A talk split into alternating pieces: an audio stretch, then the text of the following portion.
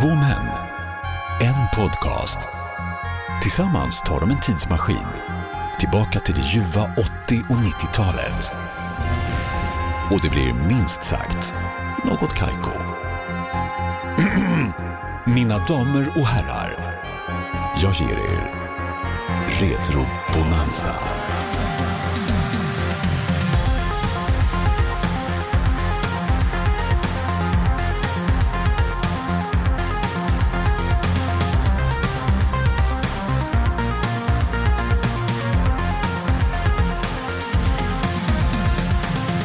Hjärtligt välkomna ska ni vara till vår nostalgiska vinterspecial som vi har döpt så fint till Retro Bonanza.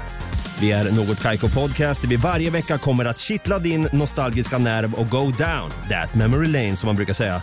Jag heter David, jag kallas för Dabba och hade jag varit den beundransvärt vackra Rose i det här fallet då, alltså från Titanic, så är personen mitt emot mig, pojkspolningen Jack, också från Titanic och offrar sitt liv inom citationstecken för det fanns för i helvete plats på den där jävla plankan.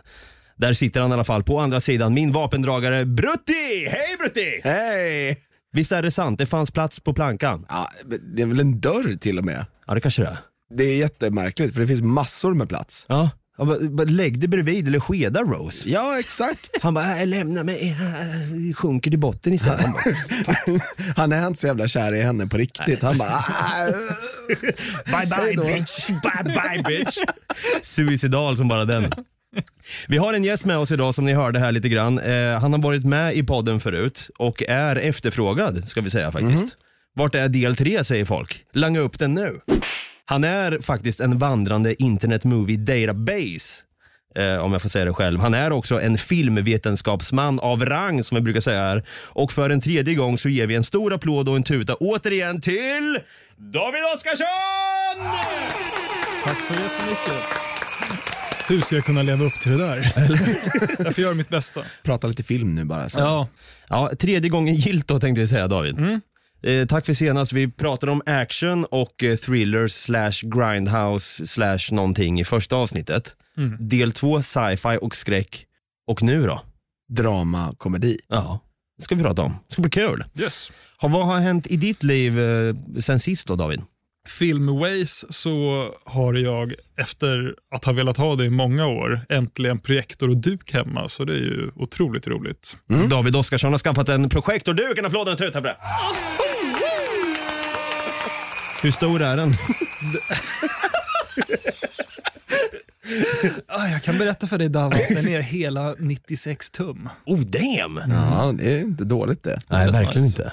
Jag bor ju i en etta så man får ju tänka på hur man har det möblerat nu för att få plats med skiten. Men, eh, det går bra.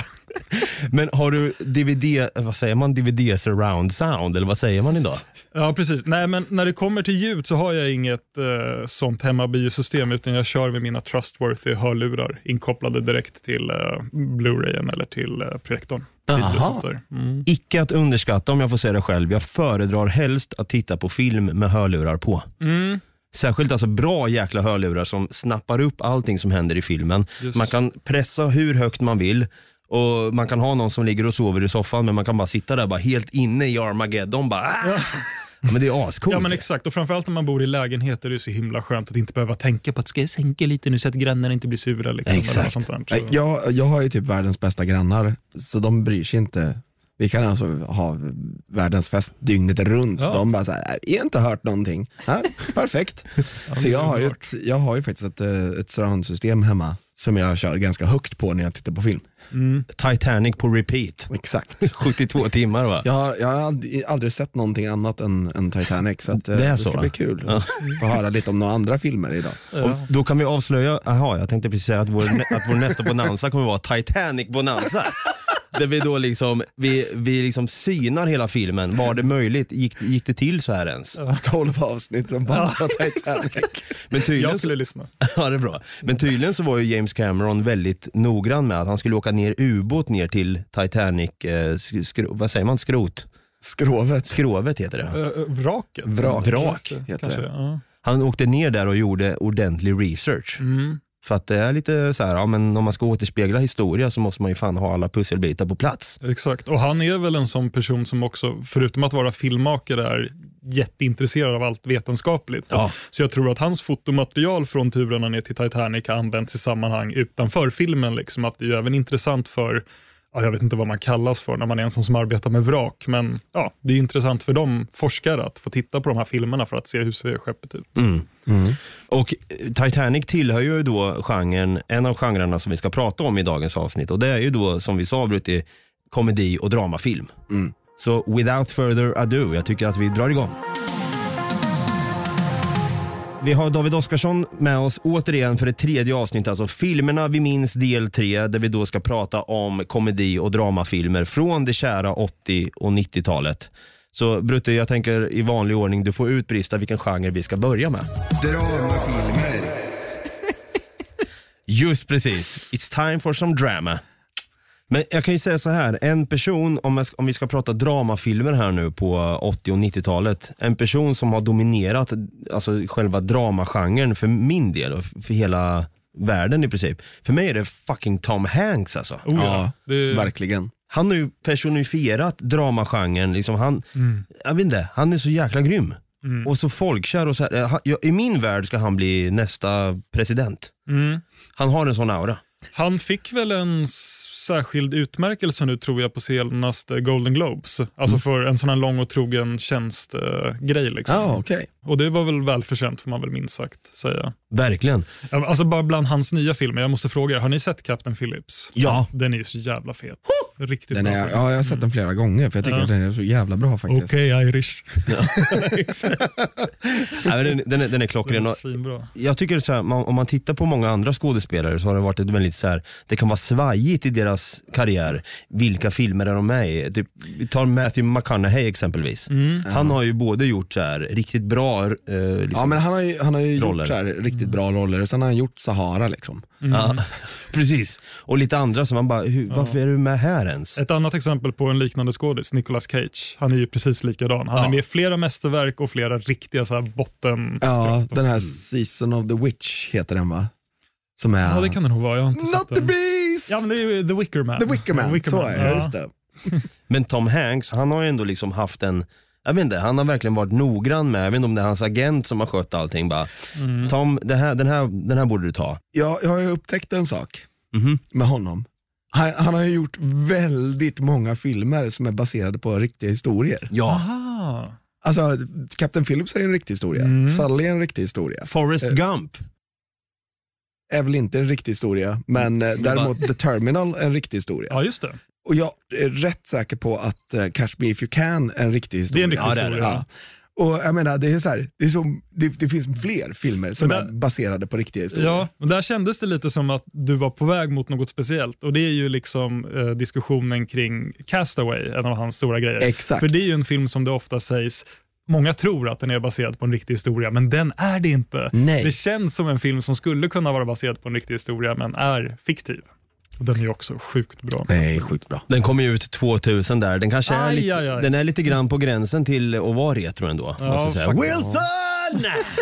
Jag hade gissat på så här 98, 99 eller någonting. Ja, jag hade faktiskt också trott det. Nej, men jag tänkte, Forrest Gump som du nämnde, där har vi ju The Hanks film To Rule Them All. Ja, liksom, exakt. Om man ska ta något exempel. Det känns som att den filmen, alltså Forrest Gump, den är flera genrer i en film. Ja, Den är både komedi, det är lite action, det är lite drama.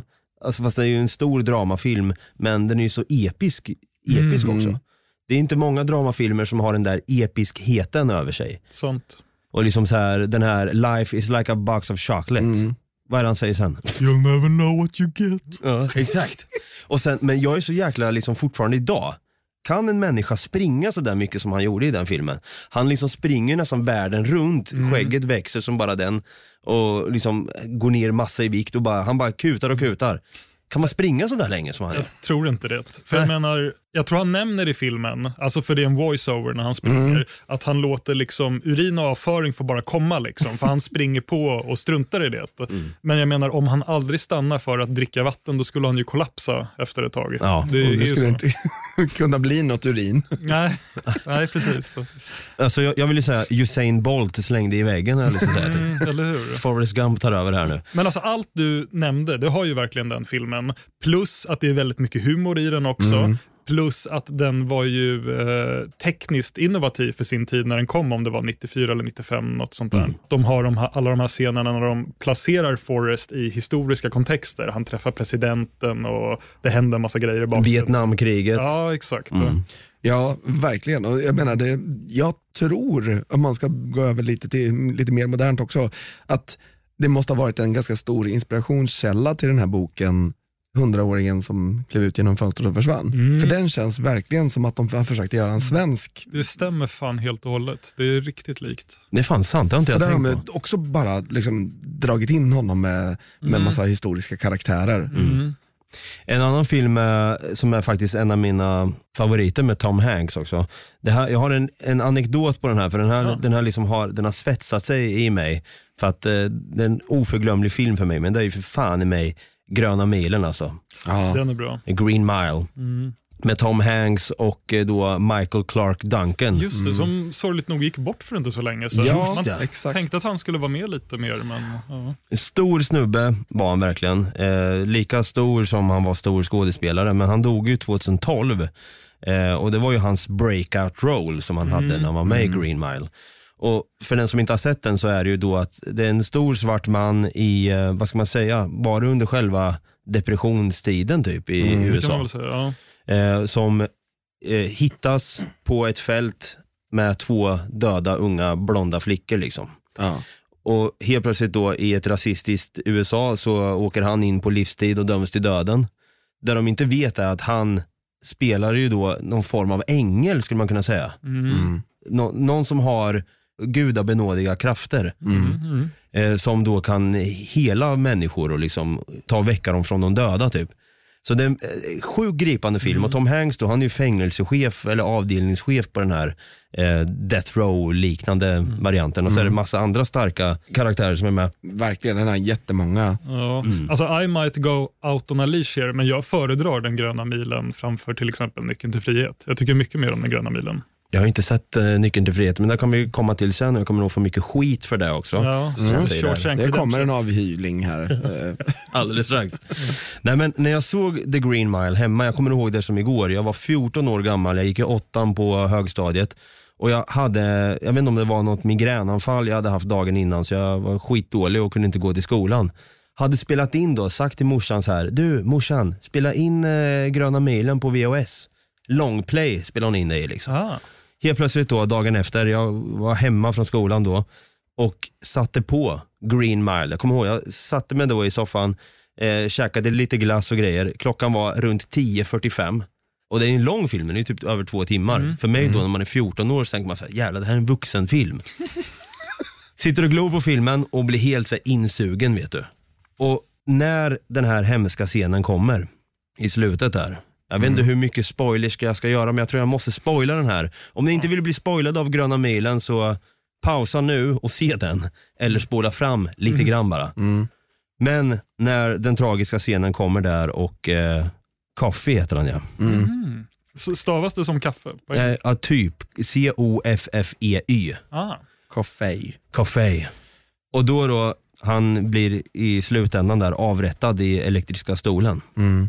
Och han, han gråter och han säger att han vill inget dumt. Han säger ju förlåt till föräldrarna också för att de fattar ju inte att han försökte rädda de här döttrarna. Och när man ser då den här spaken drar igång och han dör i filmen. Det var första gången, jag var 14 år gammal då, då jag upptäckte fulgråten. Har, ni, har ni fulgråtit någon gång? Ja, Det här var första gången jag sitter och fulgråter och jag kan inte kontrollera mig själv. Så jag sitter och bara, jag ska försöka återskapa hur jag lät. Jag sätter på den scenen här i bakgrunden här nu, så ska jag försöka liksom reenacta hur, hur jag lät. I'm sorry for what I am.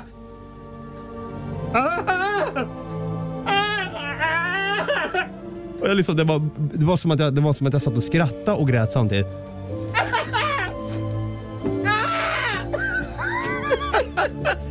Det, det, det kommer liksom en panikartad skrik där, slash gråt. Den blir så här. Det är som, den är liksom en avgrundsrål verkligen. Och jag bara tänkte så här, vad är det som händer med mig? Men har ni någon dramafilm som ni också har fulgråtit till? Från 80-90-tal? ja, faktiskt. Jag har en. Vilken då? E.T. Ja.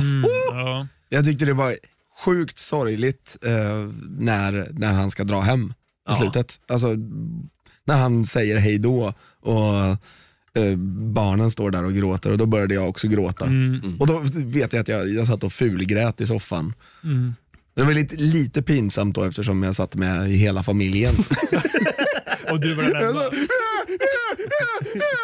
typ. Helst ska man fulgråta i, i fri alltså. I Ja. ett enskilt rum. Ja, för då kan man göra det fullt ut. David, du då? Har du några så här, någon fulgråtshistoria av någon film som kanske tillhör då dramagenren så? Eller har du lätt för gråt till film? Ja, på sätt och vis. Men det blir liksom aldrig explosionsartat, utan jag blir bara liksom så här att jag börjar torka mig i ögonen, typ, utan att det kommer några ljud. Liksom. Eh, och Det kan väl vara ganska ofta, om det är något sorgligt. Liksom, Ja. eller så. Mm. Men jag har svårt att komma på någon specifik eh, grej nu. Jag kommer bara på så här obskyra saker som har fått att tåras i ögonen på mig. Liksom. som kanske inte är direkta draman och sånt. Alltså jag är en sån person som typ kan få tårar i ögonen när jag tycker att något bara är jävligt mäktigt i en film. Alltså att något är häftigt. Liksom. Mm. Eller, man ska säga. Eller för att jag tycker att filmen är så bra och episk. Liksom, så kan jag Åh, det här är inte klokt, vilken jävla film han har fått till. Ja, Typ ja, så kan det är ju härligt. Mm. Jag, jag har en polare som brukar gråta till så här storslagna filmer som Sagan om ringen exempelvis. Mm. I Sagan om de två tornen så när Aragorn rider på den här, han fastnar ju med sin hand. Han har Mm. slagit av en, en ork från en sån här warg. Och så glider han ner där för stupet. Och då börjar min polare stortjuta. Ja. Jag tänkte såhär, ja, du fattar ju själv att han dör ju inte nu. Han är ju med i Konungens återkomst, men han bara, äh, fan det är så sorgligt alltså. Bara, Ja, fine, fine. Men en annan film, nu, ja, nu, det kanske blir lite Tom Hanks bonanza nu, men Ja. jag tänker dramafilm slash krigsfilm. Rädda ner Ryan. Är vi fortfarande inne på 90-talet då? Den är 98. 97. 98, 97. 98 kom Är det den. 98? Okej, mm. Fan. 98 där kom den ju och Steven Spielbergs ja, storslagna film. Ja. Den, den tycker jag nästan går mer i dramagenren än krigsgenren faktiskt. Krigs, det utspelar sig under andra världskriget, det dagen där. De får i uppgift att rädda då menige Ryan, Shaving Ryans Privates. och eh, som spelas då av Matt Damon. Och hans scen där, har ni sett den här filmen på sistone? Det var ett tag sedan nu. Jag minns ju mest D-dagsbatten i början. För, Ja. Eftersom jag igår fantastiskt. Det är några år sedan jag såg den sist. Faktiskt. Det är ju en scen där, om ni minns den, när han sitter där Matt Damon och pratar om sina bröder med Tom Hanks. Ja. Han sitter och pratar om, eh, han drar igång någon anekdot där vad han minns av sina brorsor då som har dött då i kriget. Eh, och så sitter han och bara går loss och Matt Damon sitter ju och skrattar och liksom lever sig in i storyn. Picture a girl who just took a nosedive from the ugly tree and hit every branch coming down. and, and Dan's got her shirt off. He's working on this bra and he's trying to get it off, and all of a sudden Sean just screams out, Danny, you're a young man. Don't do it. Det visar sig att den här historien som han berättar i filmen var egentligen oskriptad. Den var liksom improviserad och bara körde. Vi är också i ehm, The Usual Suspects, ja, just det. den klassiska scenen när de står längs väggen där. De får ju verkligen eh, spela ut vad de, vad de vill eh, och de står ju och skrattar åt det här. För, Vad är repliken som de alla ska upprepa? ehm, Hand me the keys you fucking cocksucker. Alltså, så, Och de gör den i olika tappningar liksom. ja. Number one, step forward. Hand me the keys, you fucking cocksucker. Number two, step forward. Give me the fucking keys, you fucking cocksucker motherfucker! Knock it off, get back. Number three, step forward.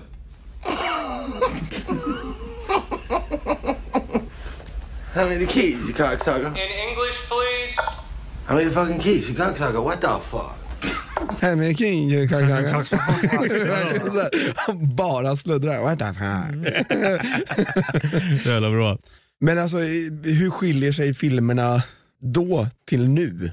Alltså- I, just i dramagenren Ja, men om man kollar på draman från 80 och 90-talet och nu kommer jag liksom generalisera, självklart finns det undantag och sådant, men jag upplever verkligen att idag när det släpps draman så är det ett helt annat krav på realism i dem än vad det var på 80 och 90-talet. För filmerna som kom då tilläts vara väldigt fantasifulla och inte alla gånger särskilt realistiska liksom, så länge du fick fram de här stora känslorna och familjeintrigerna och allt vad det var för någonting. Ja. Det är, vi, alltså om man tittar på typiska Hollywood-draman från den tiden så är ju de mycket mer glattiga och de är filmade ofta i det här nästan lite simmiga ljuset. Alltså, liksom. När vi pratar om det här och Tom Hanks, jag tänker på Big. Ja, den är ju bra. oj Och gud. då kommer vi in lite på komedi också, för det är ju en dramakomedi. Ja, liksom. exakt. Jo. Den är jätterolig. Verkligen. Mm. Nej men sen fanns det ju, för mig blev ju, det kändes som att dramagenren också förr kunde vara lite mer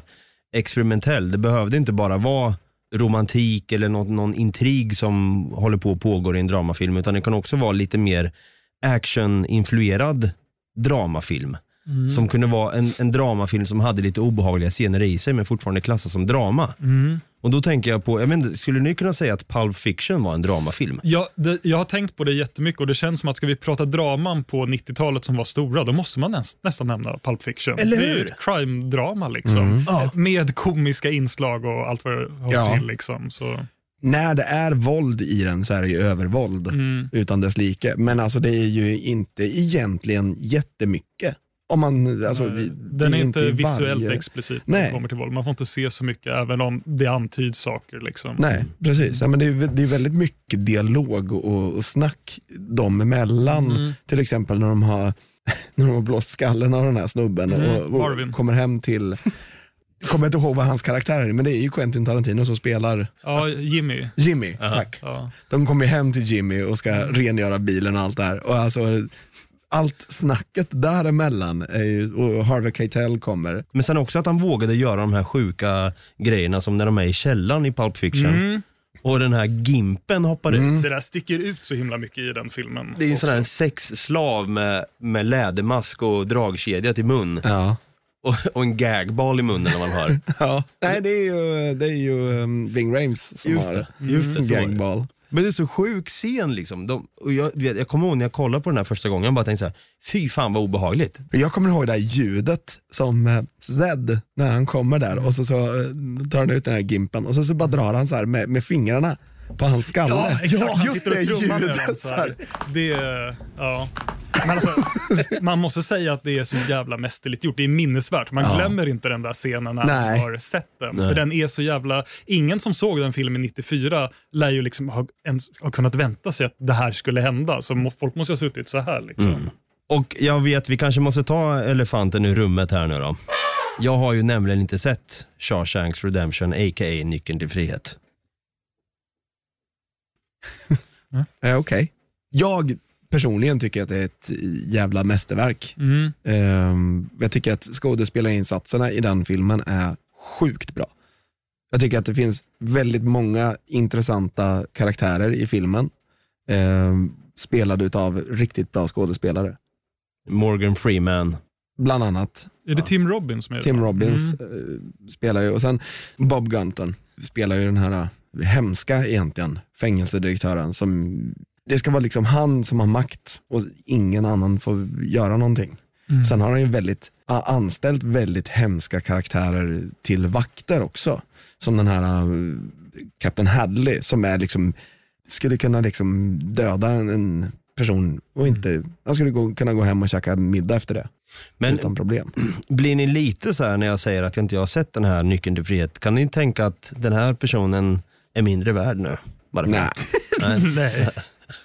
Nej, alltså vi är inte som du David. Nej, men jag, t- jag tänker mer typ så här att förtroendet för en människa som inte har sett sån här en kultfilm, Mm. det sjunker lite grann när man, man tänker så här, okej. Mm. Men jag tycker definitivt att du borde se den.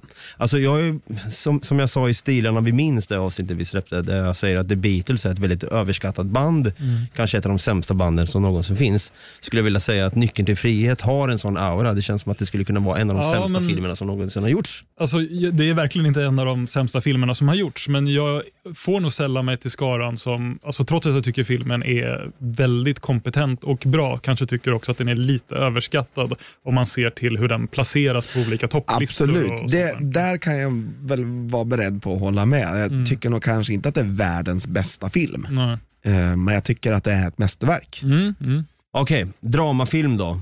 En från 80-talet och en från 90-talet. Vilka är de två bästa dramafilmerna från de här decenniumerna? Vad hade du sagt David? Just för 80-talet så är det två dramafilmer jag kan komma på som jag tycker är de bästa därifrån. Eh, Mhm. Och Då skulle jag nog säga uh, Raging Bull av Martin Scorsese Ja. och Elefantmannen av David Lynch. Det, för mig är det nog 80-talets två stora draman. Vet du att jag har faktiskt inte sett Elefantmannen. Nej, okej. Det Ja, är då en sån att- film som jag vet att jag borde se. Mm. Brutti, en dramafilm från 80-talet och en från 90-talet då. Ja, men jag, som sagt, jag är beredd på att hålla med om, om Raging Bull där. Uh, Elefantmannen kan jag ju inte uttala mig om för den har jag inte sett.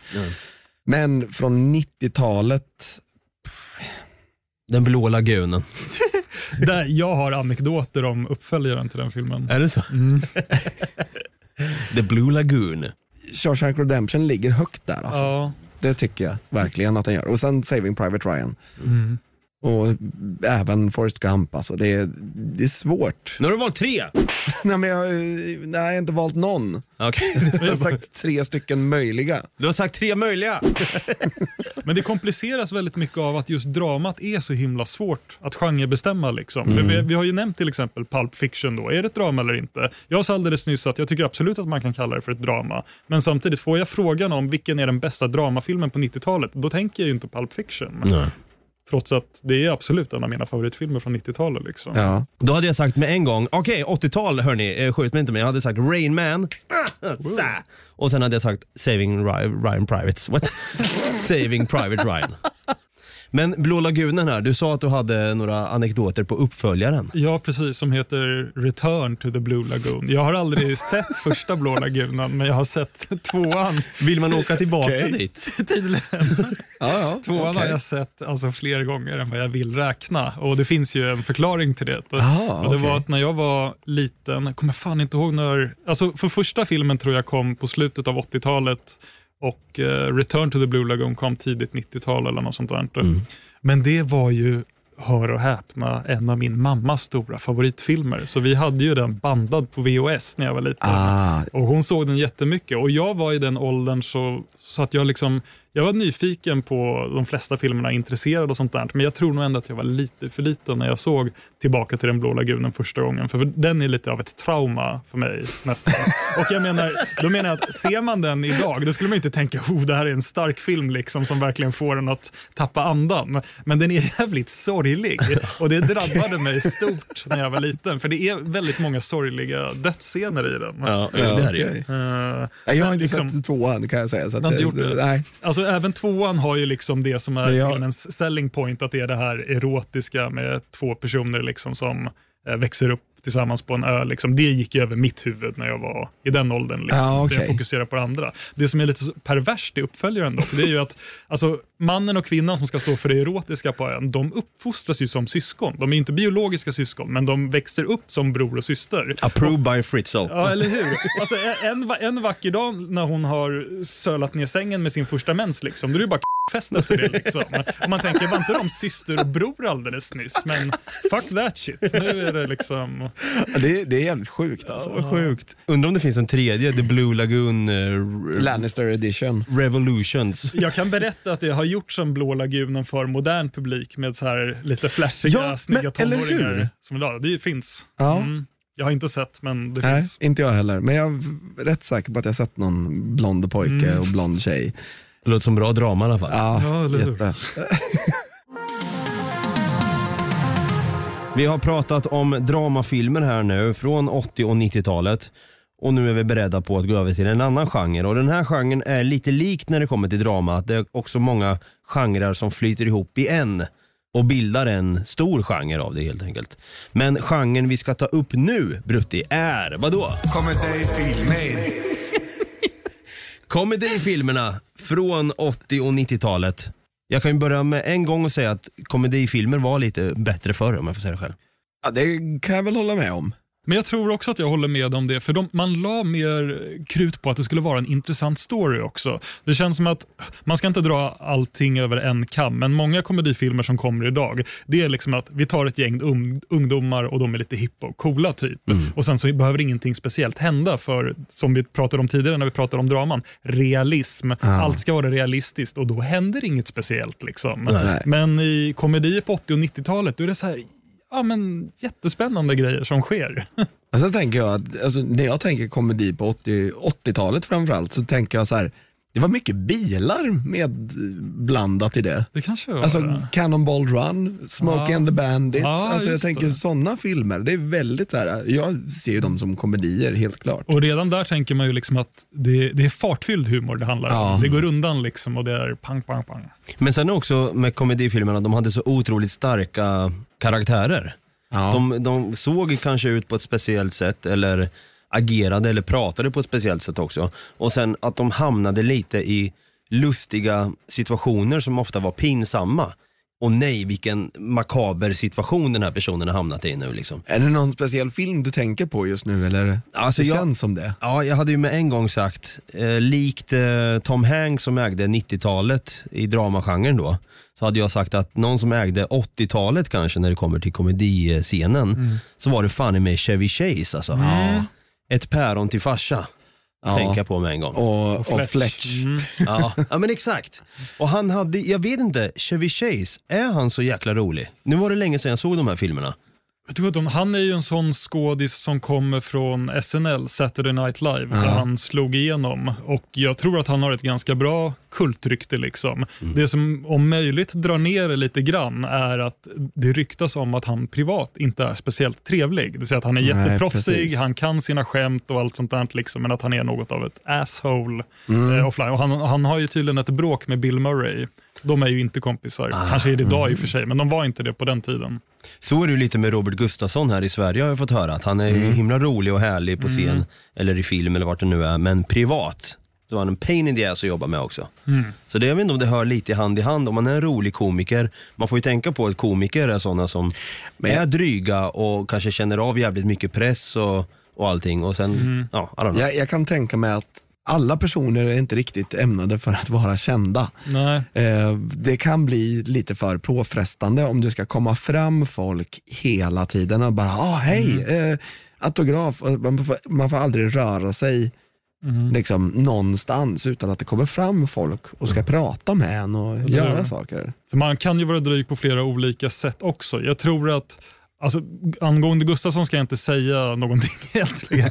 Men när det kommer till Chase, jag tror att han var lite en sån som kan också vara dumt av mig att säga det, men jag tror han är lite av en översittartyp.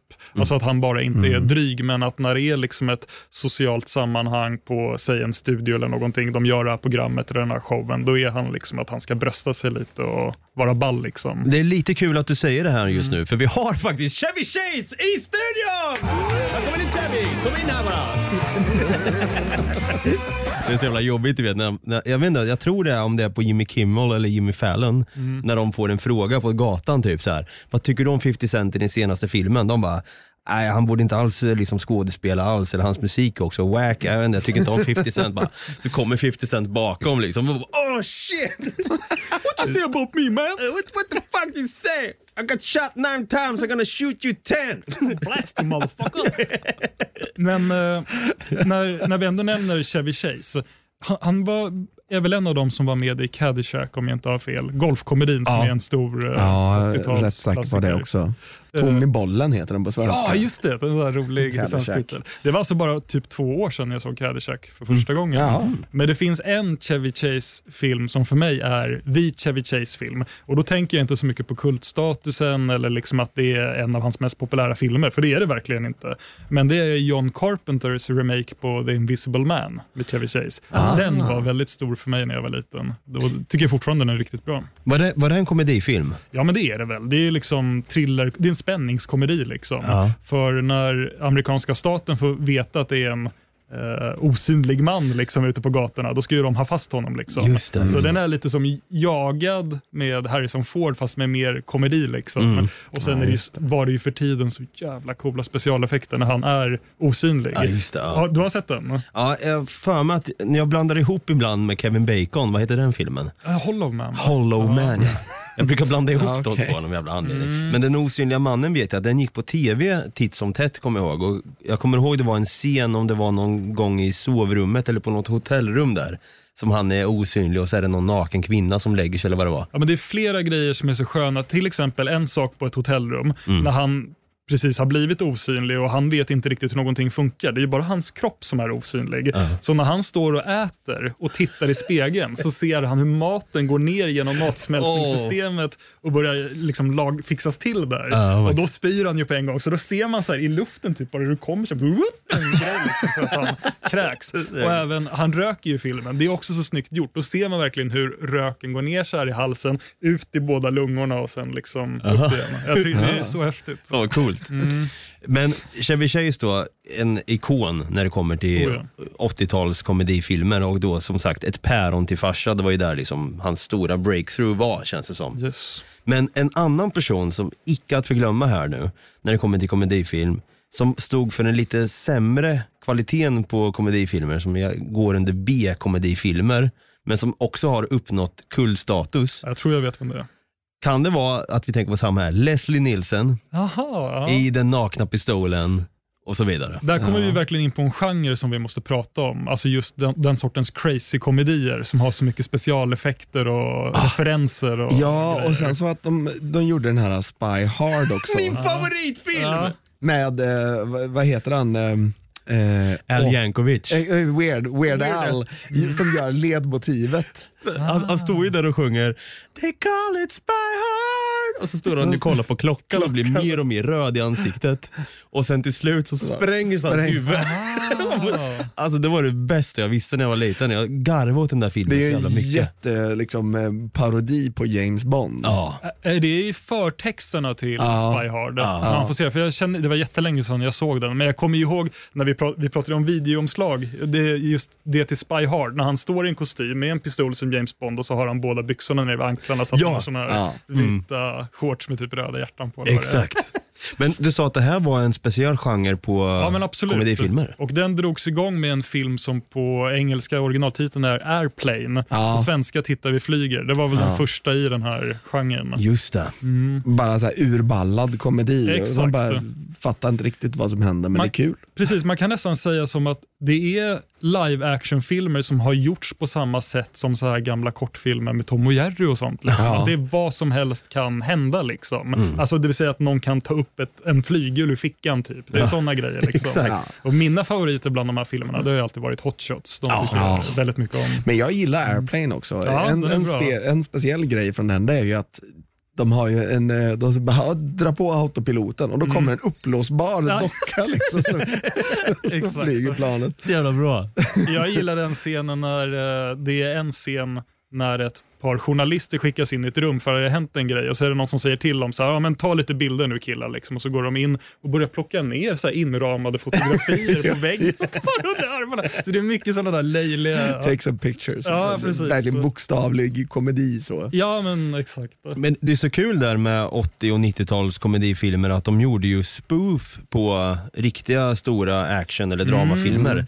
Liksom, om vi tar Hot Shots exempelvis här då som du nämnde med Charlie Sheen i huvudrollen. Eh, första Hot Shots-filmen är ju liksom baserad på Top Gun. Yes. Där gör de ju bara driv. Men Hot Shots 2 då, då gör de ju driv på Rambo. De filmerna. Ja, Ja, precis, allra mest trean, Rambo 3. Ja, Ja, exakt. exakt. När man ser att han slåss där i någon djungel, någon så här, vad heter det, Eh, cage fighting typ. Ja. De står och bettar på vem som ska vinna och han har det där röda pannbandet. Oh, jag kommer inte ihåg, är det, är det i Rambo 3 som de, de doppar i glas och så här, de har lim på händerna? Det är ju så det som är i de början på ja, Hot Shots 2 där. För då har de med gummi, gummy Ja, bears. exakt, strössel och kolasås och grejer. De står och Och jag har en anekdot på Hot Shots 2 där, under den där fighting-scenen när han håller på att slåss. Så är ju hans motståndare får ju en, jag vet inte om det är ett knä rakt i pungen. Kommer ni ihåg den här scenen?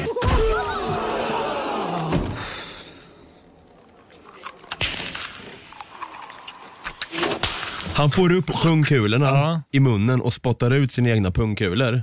Och jag, när jag var liten, jag ska se exakt när Hot Shots 2 kom. Alltså det är så stört faktiskt, men Hot Shots 2, vänta ska jag Så jag se. gissar 92. Ja, tänkte säga, början, början på 90 skulle jag gissa på. 93 kom Hot Ah, Shots 2, Mm. Part Dö. Just det. Då, eh, när jag var, hur gammal var man då? då? Sex år kanske jag var. Då när jag såg den här filmen så tänkte jag så här. Fan, är det så där det går till? Om man får en hård spark i pungen, kan man få upp dem och spotta ut sina egna pungkulor då. Det där känner jag igen mig så mycket i, för även om man uppskattade det komiska som liten så tenderade man ju att ta saker på allvar. Liksom. Ja. Jag menar att man, all right. Eh, Idag så fattar man ju att de sitter ju fast. Ja exakt, idag vet man ju till och med att så där skulle inte två pungkulor se ut. För det ser ju verkligen ut som två valnötter som kommer upp ur halsen på honom. Jag kan tänka mig att det är det de har använt. Ja, det är det garanterat. Nämnas förresten kul trivia på den filmen. Alltså, man tänker sig att det är en ganska barnvänlig komedi. Kanske lite, inte helt barnvänlig, men det är ändå en komedifilm. Den censurerades i Sverige eh, och kom oklippt när den kom på VHS, men det var, den var klippt på bio. Jaha. Och då var det de våldsamma grejerna. Jag tror bland annat i, den, det är någon fight, jag vet inte om det är en där i början av filmen eller en senare, men det är en kille som sparkas på hakan från ena sidan och en på huvudet på andra sidan så att hans huvud bara så wow, viks mellan två fötter. Den grejen klippte de bort och sen mot slutet är det en kille som blir skjuten med en bazooka så att han är helt splattad på en vägg så här. Det tror jag också att de hade tagit bort och det är så tramsigt att de har tagit bort det för det är inte ens blod liksom. Det är bara att han är så här platt på en vägg. Kom igen Sverige på 90-talet för fan. Nej, det Men jag, jag kommer ihåg en jättebra grej från den filmen. Det är att han, ska, han är vid något så här stängsel och ska ta sig igenom. Då tar han upp sin kniv och sen så bara trycker han på en knapp så kommer det upp en pytteliten sax längst fram som man klipper med. Den där har allt. Och han kan ju även trycka ner kniven i en lä- läskburk. Alltså dra upp ett sugrör i skaftet och sitta så här och dricka liksom. Ah, shit, det är alltså. den filmen också som han står på en båt och skjuter med tror jag. Och så, så står det så här, more, more, Ja. more kills than Rambo, Ja. more kills than Terminator typ. Gör narr av det. Det är liksom. ju klassiskt liksom, precis. Det blir bara värre och värre. Jag tror det är svenska textrem som står det blodigaste filmen någonsin och han har gått över där. Liksom. Men alltså en annan scen som måste nämnas från den filmen som för mig är ikonisk när det kommer till komedier. Det är ju scenen när han, han har träffat en tjej som han ska åka limo med. Och skämtet är då att eh, tax, eh, limochauffören blir ju intresserad av vad de håller på med i baksätet och han tittar i så här backspegeln och då trycker de på den här knappen liksom så att skyddet Vägg- går upp, ja, ja, så att han inte ska kunna se någonting.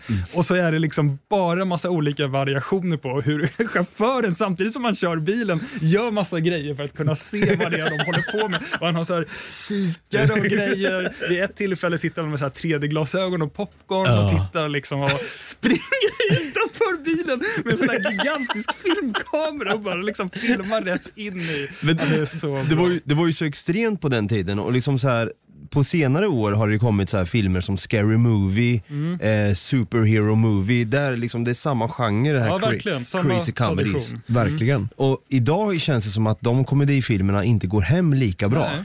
Men om jag inte missminner mig så är det samma snubbe som har gjort både Airplane och uh, Scary Ja, Movie. vi har den där producenten som heter David Salknick eller något sånt där.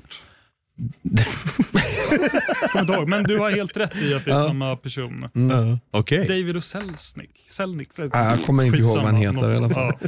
Ja. Eh, Men det, när vi ändå pratar om den sortens filmer, då är det ju en regissör som måste nämnas som även verkligen har ett finger med i spelet och har gjort sina egna grejer i hur många filmer som helst. Och det är ju Mel Brooks. Mm, Som har gjort verkligen. De Det Våras-filmerna. våras-filmerna ja. just det det. våras för Hitler, det våras för Sheriffen, det våras för Frankenstein, Precis, Det våras för slummen och eh, det våras för rymden. där har vi ju 80-talsklassikern Spaceballs. Spaceballs ja. Mm. Just jäklar ja. Men också en spoof på Star Wars då. Ja, Att de, exakt. gör, de driver med någonting som... Jo, och, men alltså det våras för, för Sheriffen eller Blazing Saddles Mm. som den heter. Den är ju en spoof på typ varenda westernfilm som finns Mm. egentligen. Verkligen. Fan, jag, jag blir glad av de här filmerna. Va- Varför ser inte jag på det här när jag är lite down? Ja. Men jag kan tycka att, att just det våras för Frankenstein, eller Young Frankenstein som den heter på originalspråk, där, den är, jag tycker att den är faktiskt väldigt bra. Jag minns den som jättebra när jag såg den. Jag har bara sett den en gång. Jag tycker den är svinrolig. Alltså de andra, Blazing Saddles, den blir lite för mycket. Det bara ballar ur till slut. Mm. Eh, samma med Det våras för rymden, det blir lite, så här, lite för, Pajigt kanske. ja. Men just Young Frankenstein, den gillar jag rakt Ja. igenom för jag tycker att det, ja, den, den är liksom bara, det är en bra komedifilm. Han har enkelt. även gjort Det våras för världshistorien och så har han gjort Det våras för, eh, det våras för stumfilmen. Har han Mm. gjort också. Den har jag inte sett men Nej, den, den kan har ha varit sett. intressant. Jag kan tänka mig att han, alltså det känns som att Mel Brooks alltid har varit en person som har ganska bra koll på film. Så Mm. han gör ganska smarta twistar på konventioner i filmer. Att han hittar verkligen bra grejer att göra något roligt av. Liksom. Typ att det här tar vi för givet i filmerna vi tittar på det, så gör han en överdriven lustig grej med det. Det är lite så jag föreställer mig till exempel att det vore stumfilmen är, trots att jag inte har sett. Men en film, en annan film eh, som jag tycker är lite så här, kanske egentligen inte så jättemycket skräck, men alltså Ghostbusters Ja. Ja. Är ju en sån där som är lite crossover. Tycker Ja, det tycker jag absolut man kan säga, men det är en sån film också som, ser man den som liten tycker man att den är läskig Ja. den verkligen är läskig. För Precis. jag, jag älskade den när jag var liten, men det var ju samtidigt med vissa farhågor man alltid tryckte på play, för de läskiga scenerna är läskiga. Mm. Och alltså, även när jag ser den idag så blir jag inte rädd, men jag tycker ändå att oh, det här är bra skrä- skräckscener mitt i den här Mm. komedin. Liksom. Ja. Ghostbusters var ju vilken jävla setup på skådespelare och eh, liksom idé ens. Att ha det här, ja men, är de fyra? Fyra män va? Fy- Fyra vuxna medelålders män då som ska åka runt och jaga spöken och, alltså det är så ikoniskt. Jag menar att, att de är professorer också. Ja. Det är liksom, Ja, men Who you gonna call? Alltså, det blir, när man pratar om filmen på ett sätt så är det som att vad det här låter knasigt. Mm. Men det har ju blivit en sån kulturell självklarhet med Ghostbusters. Så Ja. man tänker bara att ja, men det, de är ju bra liksom. Och de vet vad de håller på med för de har studerat på universitetet Mm. liksom. Och u- uppfinnare och Men, allt vad det är. men en film här nu, om, som jag måste bara ta upp och säga att det här är fan i mig lite skräckkomedi också. Och ni kommer bara säga what? Det här är nog den mest obehagliga filmen egentligen om man tänker efter egentligen på vad som händer. Det är en komedifilm och en familjefilm Och det är en julfilm. och en julfilm, men för mig är det en skräck. Alltså. Det är egentligen, om, man om man analyserar filmen på ett sjukt sätt som jag kan göra. Kommer vi också tycka det tror du? Ja det tror jag, om, om jag bara får säga plotten här då. Ja. Det är ju då en pojke som är ensam hemma. Jag vet inte.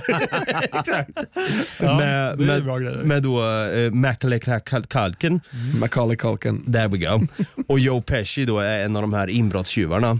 Och det här, jag vill gärna få det till att det är två vuxna män som vill mörda en Ja, minderårig men pojke. det, du har helt rätt. Det är fan, framförallt, ja men det är obehagligt. Det är ju sjukt! Det, alltså, jag minns, tvåan var det inte så länge sedan jag såg. Alltså, I slutet av filmen när de har dem, då står ju han och rullar sin revolver där för att nu ska vi knäppa den här jävla ungen. Liksom.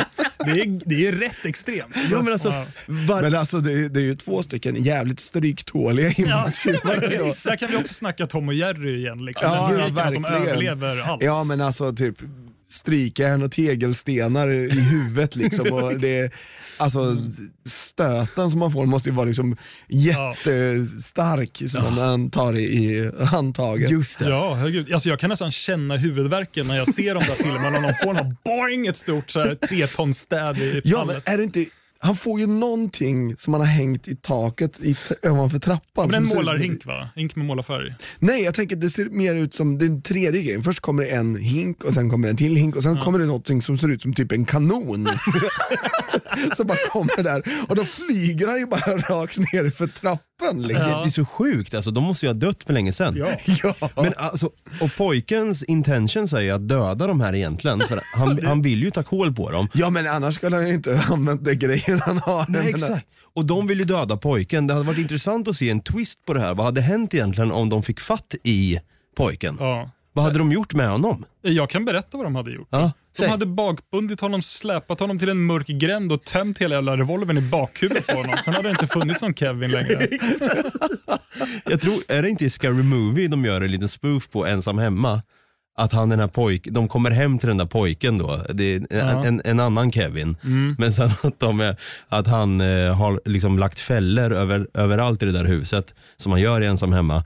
Men så får de tag i honom och slänger ut honom gen- genom fönstret eller vad fan det är. Så här klassisk scen. Nej men jag, bara tänkte på, fan det är ju en hemsk eh, plott egentligen. Det är det.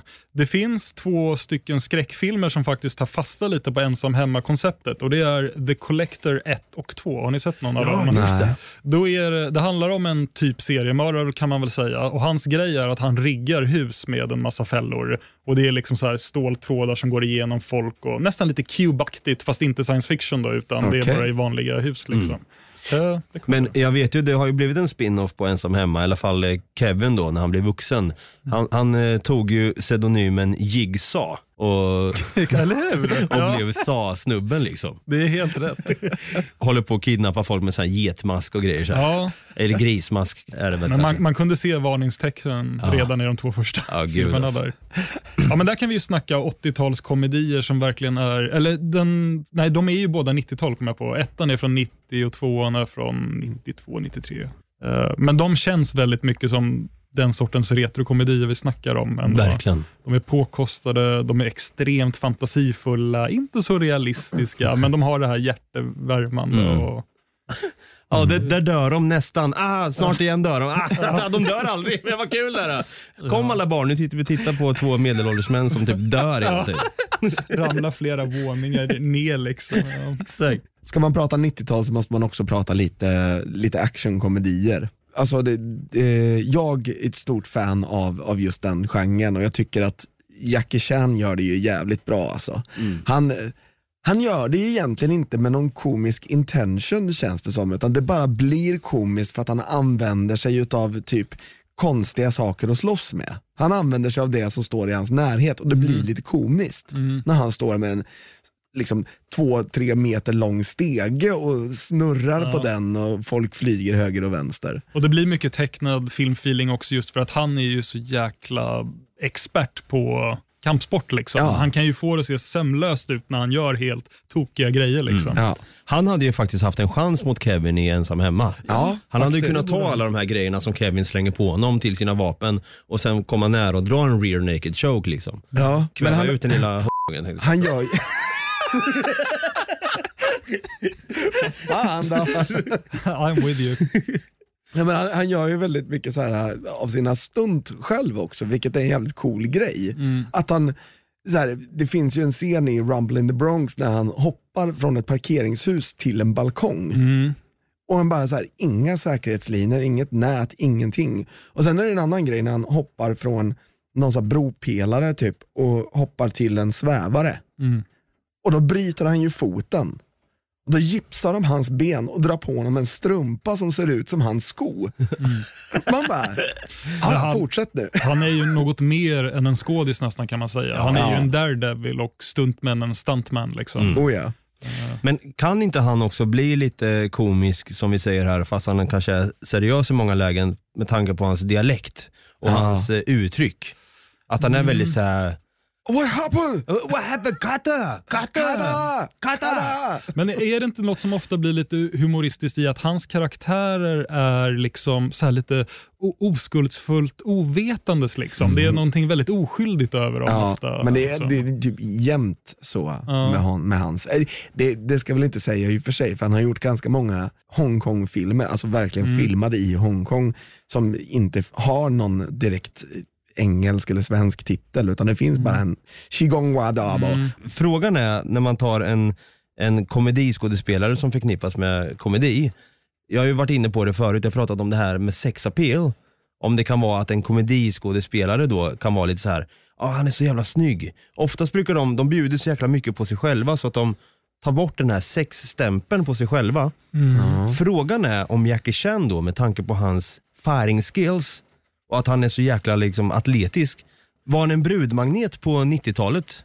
Det är Tror en ni? jät- jättebra fråga. Jag skulle säga nej på den. Jag skulle nog också säga nej, men eh, det är en bra fråga fortfarande. Ja, nej. Världens superkropp ju. Oh ja. Jo, absolut. Men han är väl, lite på grund av det du säger, så blir han typ roliga farbrorn-stämplad på något vis som gör att han är lite könlös nästan på något vis. Faktiskt. eh, och Det för mig över på nästa grej som jag vill prata om. För Jag tänkte bara, vi kan inte prata 90-talet och komedier utan att nämna Jim Carrey. Vi Nej. måste Nej. prata om Jim Carrey. Kan ni säga idag att ni tycker att Ace Ventura är rolig? Alltså, Första filmen kan jag tycka är rolig. Ja. Andra filmen är lite för överdriven, lite, lite barnslig nästan. Mm. Kolla inte snett på mig nu, men jag har faktiskt inte sett When Nature Calls. Jag har bara sett ettan, men den tycker jag håller bra. Jag tycker överlag att Jim Carreys filmografi är riktigt bra. Självklart är det dippar liksom och vissa är av högre kvalitet än andra, men alltså, han är alltid sevärd. Jag tycker aldrig det är tråkigt att se på Jim Carrey. Liksom. Nej. Idag har han ju gått och blivit en helt annan person än vad han var från 90-talet. Oh ja. Det är ganska intressant om man ser på skillnaden mellan Jim Carrey-filmerna och de här lite mer crazy-filmerna som vi pratade om, där allt överdrivet kan hända. Det finns en grej som gör att de explicit skiljer sig åt och det är att i de här galna nakna pistolen och eh, hotshots och allt det här, då är alla galna. I hans filmer är det bara han som är galen. Och Mycket av komedin kommer ifrån att det är normala människor som reagerar på att han inte är klok. Exakt. Ja, det är fan sant. Ja. Filmerna vi minns del 3 med David Oskarsson här, vår käre filmvetenskapsman. Vi har rappat av och snackat dramafilmer och komedifilmer från både 80 och 90-tal. Och fan, det har varit en trip down the memory lane igen här. Det är ju liksom, det är ju så att man missar ju ganska mycket när man sitter så här. Så det får kanske bli en till med filmbonanza i framtiden. Där vi kan snacka om alla filmer vi vill ta upp. Yes, räkna med mig. Ja, men det är bra. Härligt. David, om man vill eh, ha utkik på vad som händer i ditt liv, vart kan man följa dig? Slash, vad har du på gång när det kommer till andra poddar och så vidare? Jag håller ju som alltid på väldigt mycket med Seriemördarpodden och Seriemördarpodden kan man lyssna på där alla poddar finns, iTunes till exempel och man kan även följa Seriemördarpodden på Facebook. Det heter precis så, Seriemördarpodden. Jag skriver även för Massmördarpodden som också finns på Facebook men som är en betalpodd och den kan man pränna på på Podme. Snyggt. Och eh, Brutti, vart kan man nå oss här på Något Kaiko? Just där.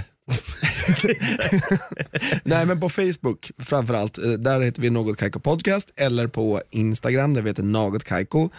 Eller så kan man ju skicka ett mail till oss på nagotkaiko@gmail.com. Och om du har en poddapp som tillåter att du kan gå in och ratea eller följa den här podden så är vi mer än tacksamma om du gör det. Du kan även gå in och skriva en liten recension om vad du tycker om de här filmerna vi minns avsnitten eh, slash vad du tycker om podden i sig. Eller om David. David Oskarsson, jäklar vilken sexapil han har så fort han joinar i... Ta, ta det lugnt Anna, ta det lugnt.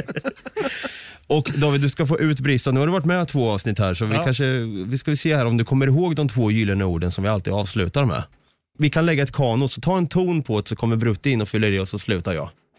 Ha det grönt. Ha det grönt! Ha det grönt! det var det sämsta jag hört. Tack så är ingen sångare i alla fall.